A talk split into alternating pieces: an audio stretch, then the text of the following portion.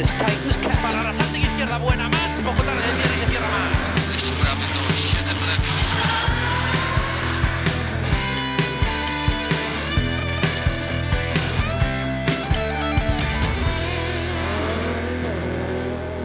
Dosłownie już godziny dzielą nas do drugiej rundy rajdowych Mistrzostw Świata sezonu 2022, rajdu Szwecji. Co nowego tym razem? A nowości jest kilka. No właśnie, w hybrydowej erze e, czeka nas drugi rajd. E, Wiele pytań, e, które jeszcze po rajdzie Monte Carlo na pewno nawarstwiły się. Szwecja już z samego powodu przeniesienia tego rajdu w nowe miejsce przyniesie dużo niespodzianek. W poszukiwaniu śniegu rajd został przeniesiony e, na północ kraju, prawie 800 km od Karstadt. E, Czy przyniesie to e, zimę? Zobaczymy. E, Na razie prognozy nie zapowiadają jakichś siarczystych mrozów i bardzo dużych opadów śniegu, ale myślę, że będzie lepiej e, niż było w ostatnich e, latach. Śnieg, z tego co e, obiło mi się o uszy, już jest, więc narzekać póki co nie ma na mm, warunki powodu. Natomiast narzekają podobno e, hodowcy reniferów. Na ile to jest prawda, to nie wiem. Ale faktem jest, że kilka odcinków planowanych odwołano właśnie z powodu próśb, bo to ciężko nazwać konfliktem. E, Organizatorzy bardzo ładnie próbują nawiązać współpracę z ym, lokalnymi, no nazwijmy ich farmerami, którzy hodują renifery. E, I nie chcąc y, kolidować z planami tamtejszych właśnie hodowców, skrócili rajd o bodaj 3 czy 4 odcinki specjalne? Na szczęście tylko A, dwa, dwa, w zasadzie okej. jeden odcinek specjalny, dwukrotnie przejeżdżany.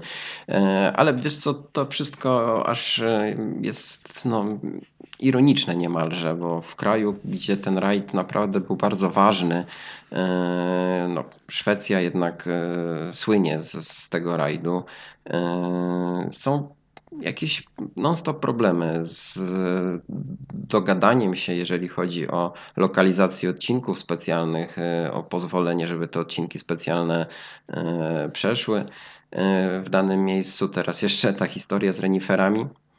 No, ciągle ten rajd ma Wiesz pod górę. co? Jak nie warunki pogodowe, to teraz Ale to jest y, taka trochę specyfika mm, organizacji rajdów w krajach, nazwijmy to umownie, wysoko rozwiniętych, że nawet jeżeli chcesz wyjechać z rajdem do totalnej głuszy, gdzie wydawać by się mogło, że no tam już nikomu nie będziesz przeszkadzać, no to zawsze znajdzie się ktoś albo coś, że niestety, ale... to wyskakują renifery.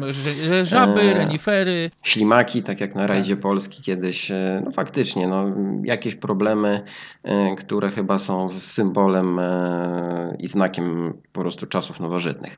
E, Dobrze, ale mm, rajd na pewno pojedzie. E, Zaczynamy wszystko w czwartek. E, No i kto na tym rajdzie zaprezentuje swoje możliwości? Na pewno nie będą to Sebastianowie Lep i Ogier, to już jesteśmy tego pewni. W zespole Toyoty zamiast Sebastiana Ogier e, wystartuje Sapeka Lappi.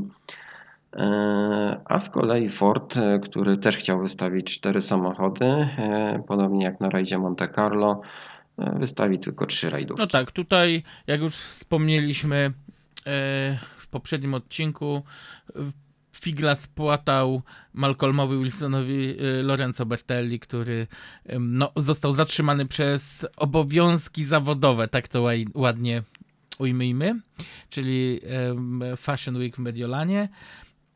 Mm, Ale ja myślę, że on tutaj nie odegrałby wielkiej roli. To jest jednak taka impreza, gdzie ten poziom wejścia jest na tyle wysoki, że Bertelli w nowym samochodzie raczej byłby tłem.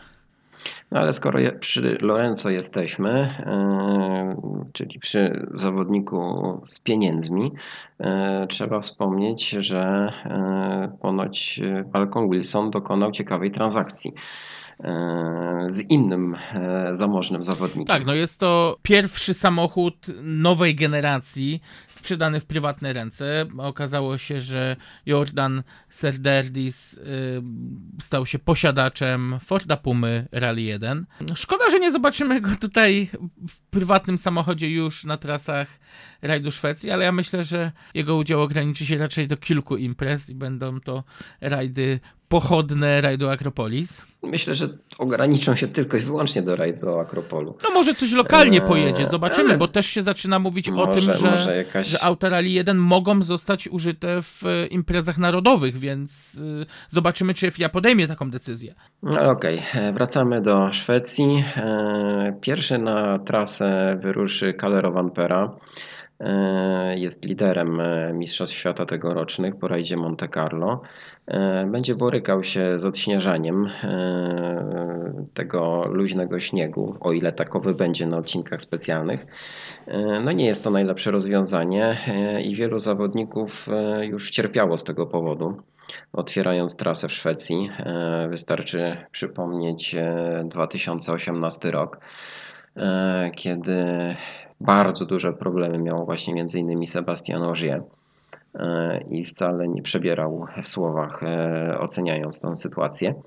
E, Zobaczymy, jak sobie Kale z tym poradzi. Mam nadzieję, że będzie jednak nawiązywał skuteczną walkę o zwycięstwo w tym rajdzie. Bardzo bym chciał, żeby jednak kierowca ze Skandynawii wrócił e, do grona zwycięzców tego rajdu. No bo przez ostatnie 10 lat powiedzmy, że ten rajd domeną Skandynawów już nie jest. Czekaliśmy od 1950 roku aż do 2004 roku mm, na to, by ten rajd został pobity przez osobę spoza Skandynawii, no i tutaj Sebastianowi Lebowi się to udało. Później był czas Ożiera mm, w latach 2013-2016, ale tak jak powiedziałeś, no to jest impreza, która mimo wszystko gdzieś nobilituje kierowców ze Skandynawii. Oni o wiele lepiej sobie radzą i, i, i to się nie ma co dziwić. No jest to naturalne środowisko dla nich. Ja bardzo bym chciał, żeby rajd y, ten no, padł łupem albo Kalle Rovanpery, albo Olivera Solberga. No, jest jeszcze czarny koń w postaci Esapeki Lapi. Zobaczymy. Mm, No i nie zapominajmy o ojcie Właśnie, Tanaku. O nim nie możemy zapominać. No i nie zapominajmy o ojcie Tanaku, prawie Skandynawię. E, No, ciężko powiedzieć, żeby Estonia należała Ale jest to basen Morza Bałtyckiego, tego- więc jemu, ja się śmieję, że jemu e, mentalnością troszkę bliżej do Skandynawa niż, a już na pewno stylem rajdowej jazdy. No i warunkami, i, Tak. i warunkami drogowymi też mu bliżej do Skandynawów oczywiście. No ale ja tylko przypomnę, że właśnie w ostatnich tych 10 latach e, historii tego e, rajdu, nie licząc jednak Ojta Tanaka jako Skandynawa, tylko trzy razy udało się wygrać e, zawodnikowi akurat z Finlandii, bo tutaj Jari-Matti e, Latvala e, wygrał trzy razy ten rajd w ostatnim dziesięcioleciu. No a tak można powiedzieć, że Szwecja należała czy do Sebastiana Ogier, czy do Neville'a, czy do Elfina Evansa. No, Okej, ja wiem, że ta ostatnia edycja, która została rozegrana w 2020 roku, była no, To praktycznie był w ogóle wypadek nie przy zimowa. pracy też, nie oszukujmy jednak- się. No. Tak, to była fa- farsa i wypadek przy pracy, tak. Ja zawsze będę powtarzał, że ten rajd nigdy nie powinien się e, odbyć e, i myślę, że wiele osób podzieli moje zdanie, ale jednak się odbył. A Elfin Evans wpisał się tak na listę zwycięzców. Okej, ale powiedz mi w takim razie, dlaczego pogrzebałeś już y, Thierry'ego Neville'a? Skoro on Nie, wygrał ja, ten rajd. ja, już, ja już wspomniałem o Thierry Neville'u, o sezonie 2018 właśnie, o tej takiej ostatniej prawdziwie śnieżnej Szwecji, e, no i tych pozycjach startowych. Właśnie Thierry Neville wtedy e, wygrał ten rajd, pojechał naprawdę no, jeden chyba z ważniejszych e, rajdów w swojej karierze i rzeczywiście te trzy ostatnie edycje, no, z tym, tym zwycięstwem Tanaka, prawie Skandynawa, no to możemy powiedzieć, że ten e, rajd e, e, chyba już zatęsknił e, za tym, żeby na czele zjawił się ktoś ze Szwecji lub Finlandii. Ale tak podsumowując, to można śmiało powiedzieć, że mamy pięciu faworytów, którzy są na bardzo wyrównanym poziomie. To jest to, co możemy powiedzieć dzisiaj przed rajdem, bo nie wiemy, jak te samochody, jakie różnice będą pomiędzy nimi na odcinkach specjalnych. Jednak rajd Monte Carlo rządzi się swoimi prawami e, i to, co było te trzy tygodnie temu, może zupełnie inaczej zadziałać w przypadku rajdu Szwecji.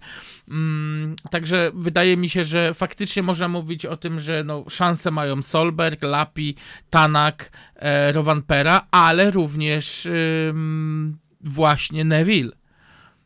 No ja jednak tutaj bym e, zwycięzców upatrywał w trójce Lapi, e, Rovanpera i Evans. I tak, E, jeszcze no może rzeczywiście, może rzeczywiście Craig Breen jeszcze tutaj może nam sprawić niespodziankę, bo on też jest szybki w każdych warunkach i to nam już udowodnił. E, Raczej nie upatruję tutaj e, zwycięzcy wśród kierowców Hyundai'a, chociaż Hyundai zarzeka się, że poprawił wszystkie błędy z rajdu Monte Carlo. Wątpię, żeby można było poprawić wszystkie błędy A przepraszam, co mam sprzed powiedzieć? rajdu Monte Carlo.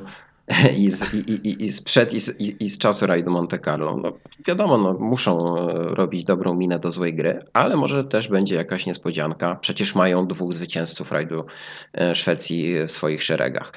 A jeszcze trzeba pamiętać o tym, że ten rajd jest na tyle nieprzewidywalny, że patrząc historycznie, niejednokrotnie bywało tak, że wygrywali go ludzie no, spoza tego pierwszego składu. Ja tutaj będę pił e, namiętnie do lat 92-93 i do zwycięstwa Matsa Jonsona, który no, był kierowcą tego drugiego garnituru, a jednocześnie mm, no, potrafił walczyć z takimi sławami jak Juha Kankunen choćby nawet.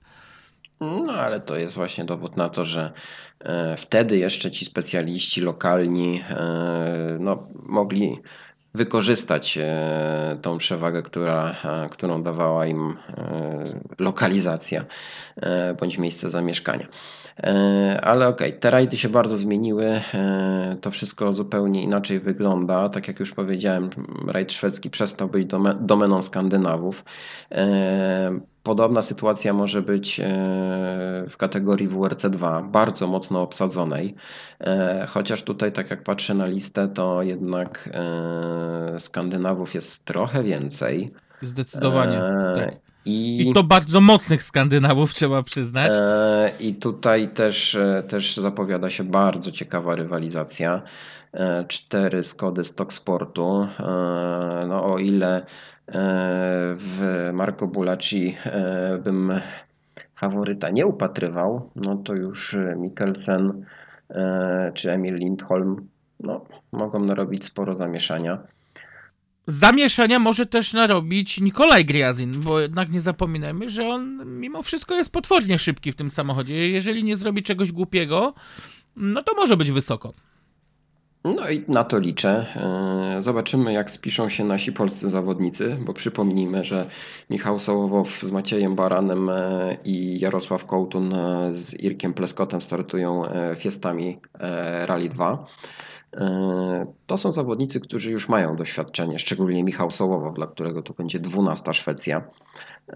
Nie, oczywiście nie liczymy na to, że będą w czołówce WRC2. No, to jest okazjonalny start y, pana Michała, więc y, pewnie to będzie taka spokojna, wyważona jazda, żeby znowu być y, na mecie.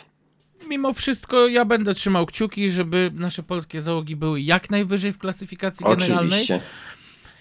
E, Natomiast trudno odmówić tutaj właśnie doświadczenia panu Michałowi. To jest chyba jego ulubiony rajd z kalendarza rajdowych Mistrzostw Świata. Okej, w klasie WRC3 e, też wypadałoby wspomnieć e, fiestami e, z podkrakowskiego M-Sportu. Też wystartują Finowie, sami Pajari, Lauriona. No zobaczymy, czy tutaj będą w stanie im zagrozić jacyś inni zawodnicy. I też liczę na zaciętą rywalizację tutaj do samego końca. No ja tylko, ja tylko chciałem tutaj nadmienić, że mamy 17 odcinków specjalnych już po tych wszystkich y, zmianach i, i, i anulacji tego odcinka z, z reniferami na totalnym dystansie 265 km niemalże. No to też niewiele, no ale biorąc pod uwagę Szwecję w 2020 roku, która miała tylko 170 km, to i tak jest dużo.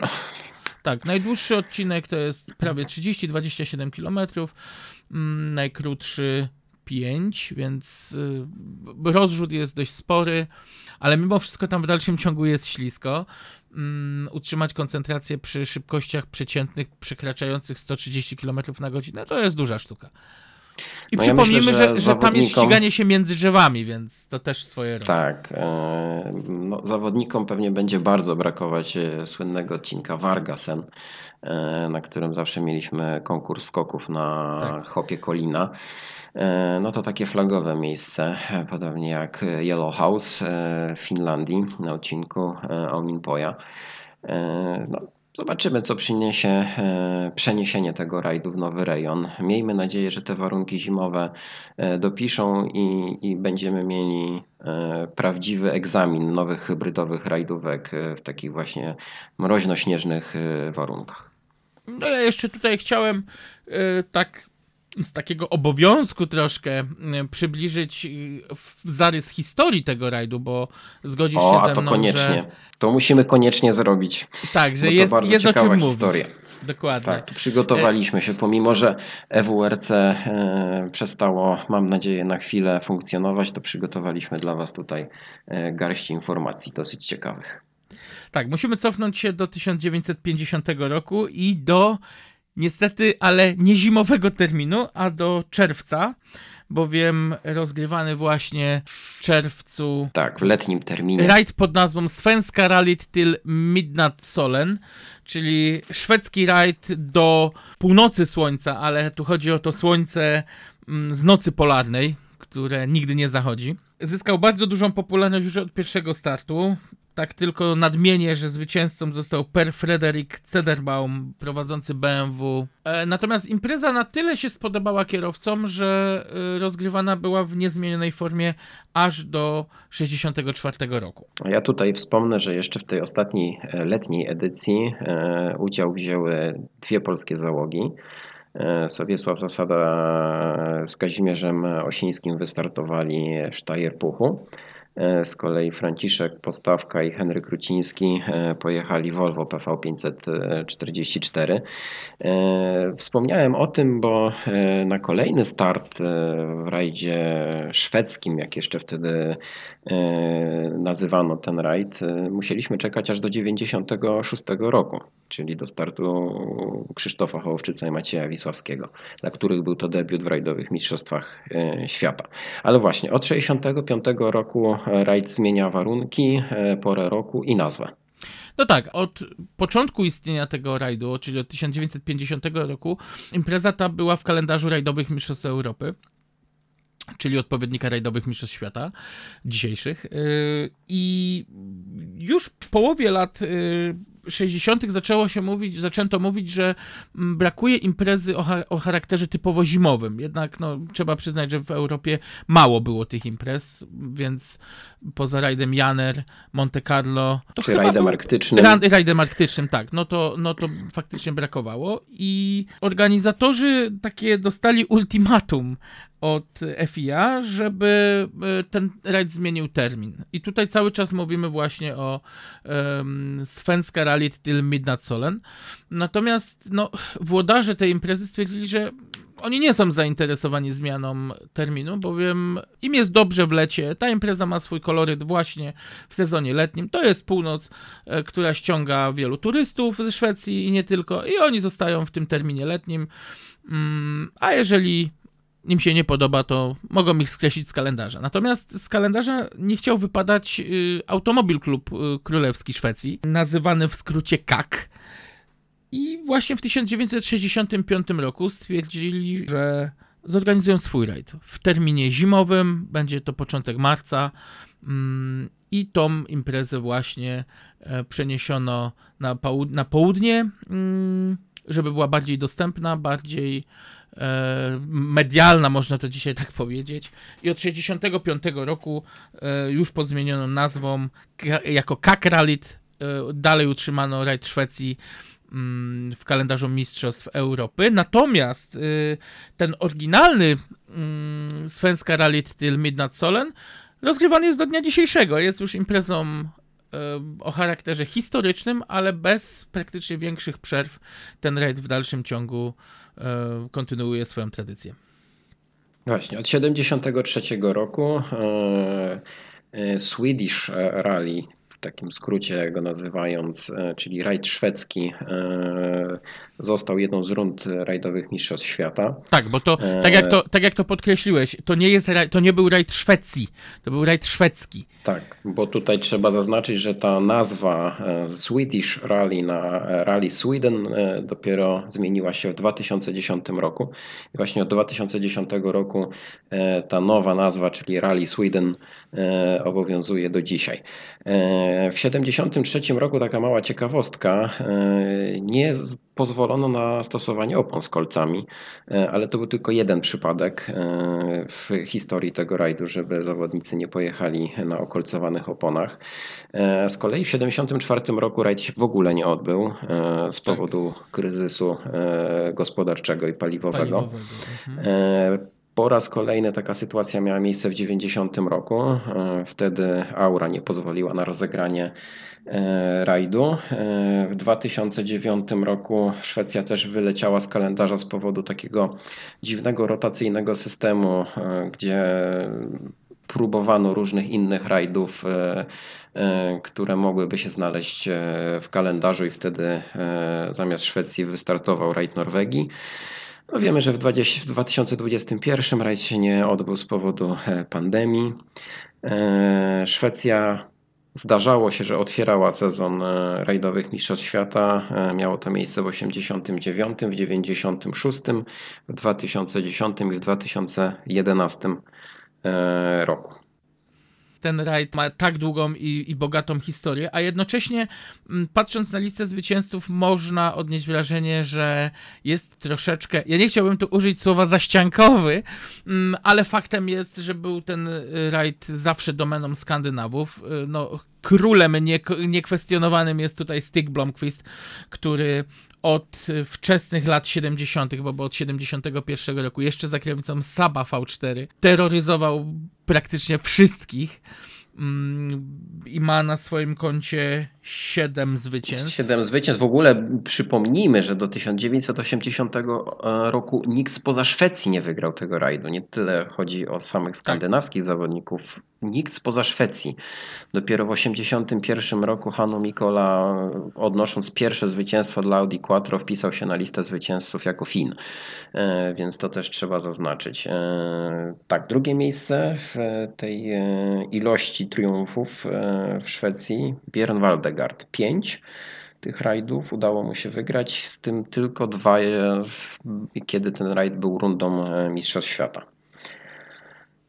Dla mnie y, fenomenem właśnie jest y, kwestia y, tych postaci jak Blomqvist czy Waldegard, no bo to byli kierowcy, którzy zaczynali no strasznie prostymi samochodzikami. No okej, o ile Waldegard wsiadł od razu, zwyciężył w Porsche, no to w przypadku Stiga, no te Saby były takimi dość mm, nie chciałbym użyć słowa prostackimi, ale no mechanicznie ciężko było go porównać z Porsche, a jednocześnie okazało się, że tym autem da się rywalizować z dużo mocniejszymi maszynami. E, No a sam Stick y, równie dobrze radził sobie później za kierownicą choćby nawet y, Audi Quattro, więc potrafił się przekonać do napędu na cztery koła i to no, jakoś zaprocentowało, że dzisiaj jest, tak jak powiedziałem, królem rajdów w Szwecji. Ostatnie, ostatnie zwycięstwo Saba e, 99 Turbo akurat tego modelu e, miało miejsce w 79 roku, czyli właśnie tuż przed erą e, Quattro. E, Dokonał tego no nie kto inny jak e, Stig Blomqvist i jego pilot Björn Zetterberg. Ten start był o tyle ciekawy, że było to właśnie pierwsze zwycięstwo turbodoładowanego Saba, natomiast zgodzisz się ze mną, że ten samochód już wtedy dość mocno odstawał od światowej czołówki. No na pewno, już wizualnie i technologicznie odstawał od światowej czołówki, E, ale okej, zanim przejdziemy do tej ery nowożytnej, bo też trzeba będzie wspomnieć e, o, o, o czasach e, startów polskich zawodników w tym rajdzie, a było tych startów naprawdę dużo.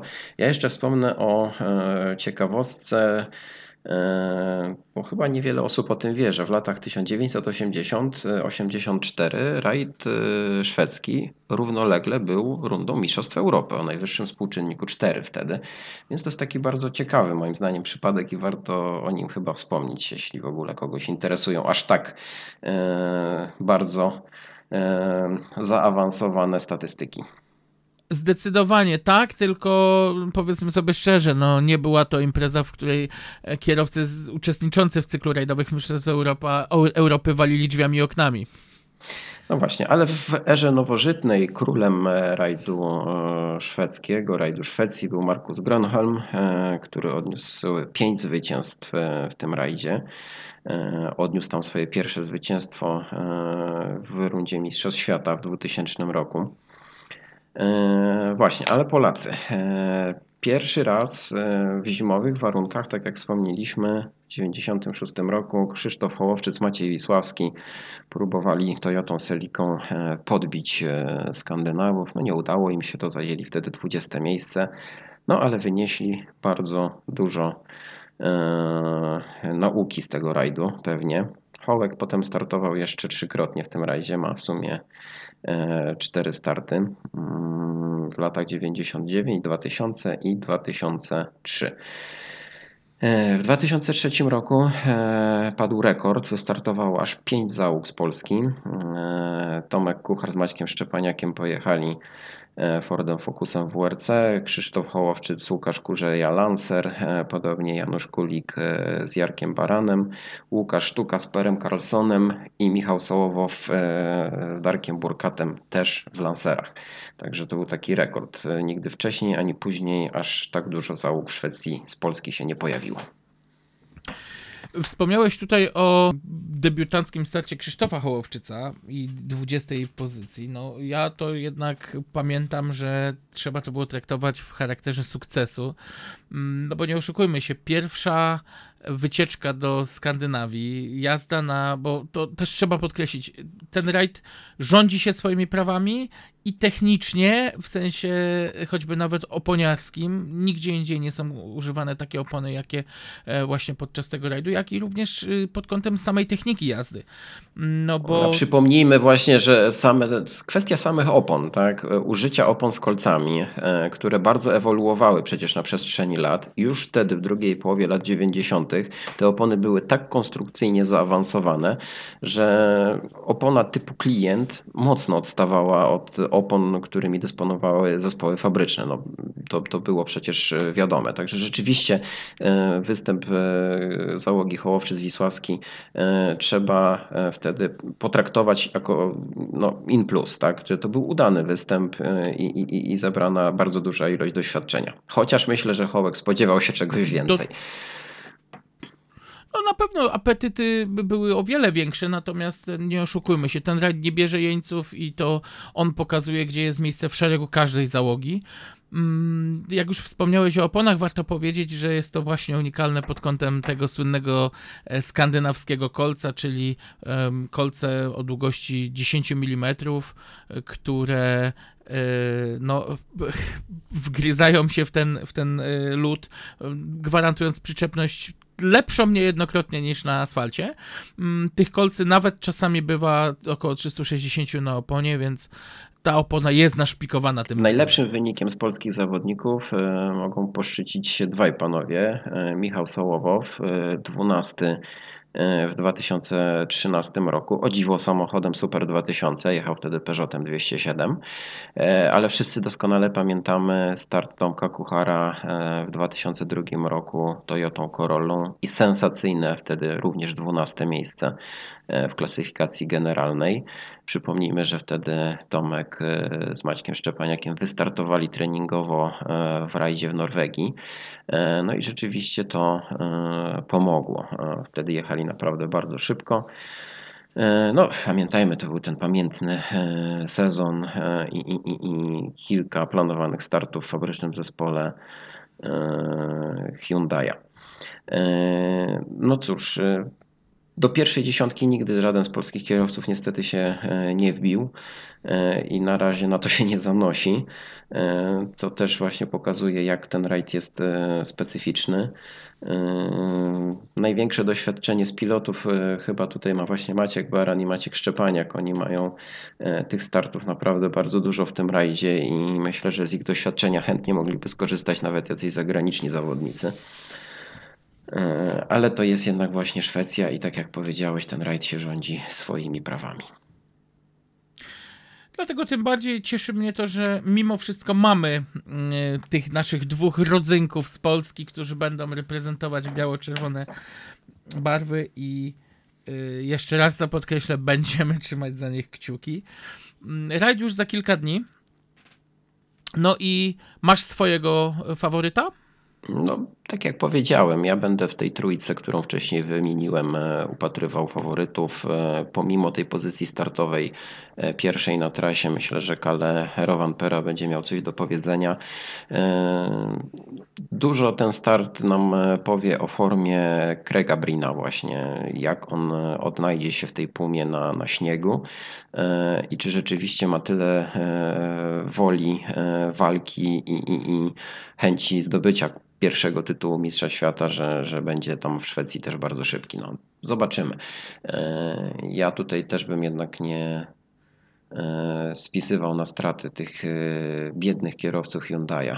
Może jednak oni też coś, coś tutaj namieszają w szeregach. No i liczę też na, oczywiście na Oliwiera Solberga, no, chociaż jeszcze mm, on potrzebuje jednak kilometrów w tym nowym samochodzie, chyba żeby się poczuć trochę pewien. Potrzebuje, ale jak było widać, choćby nawet na Race of Champions, on doskonale radzi sobie w tak trudnych warunkach właśnie śniegu i lodu. Ja liczę na młodzież. Bardzo bym chciał zobaczyć na podium Kalle Rovanperę i właśnie Olivera Solberga. Byłoby naprawdę fantastycznie zobaczyć taką dwójkę. Mm, ale tak jak powiedziałem, ten rajd jest bardzo nieprzewidywalny, bardzo wielu kierowców ma szansę e, na zwycięstwo i tutaj jeszcze będzie, tak jak wspomniałeś, ten element e, sprzętowy bardzo mocno wpływał na to, e, jak ułożą się losy tego rajdu. No tu będzie najwięcej niespodzianek z pewnością. Zdecydowanie tak. My słyszymy się, tak jak w przypadku rajdu Monte Carlo, już po rajdzie, gdzie sobie podsumujemy e, zmagania mm, na szwedzkich długich prostych. No i co? I do usłyszenia. Do usłyszenia.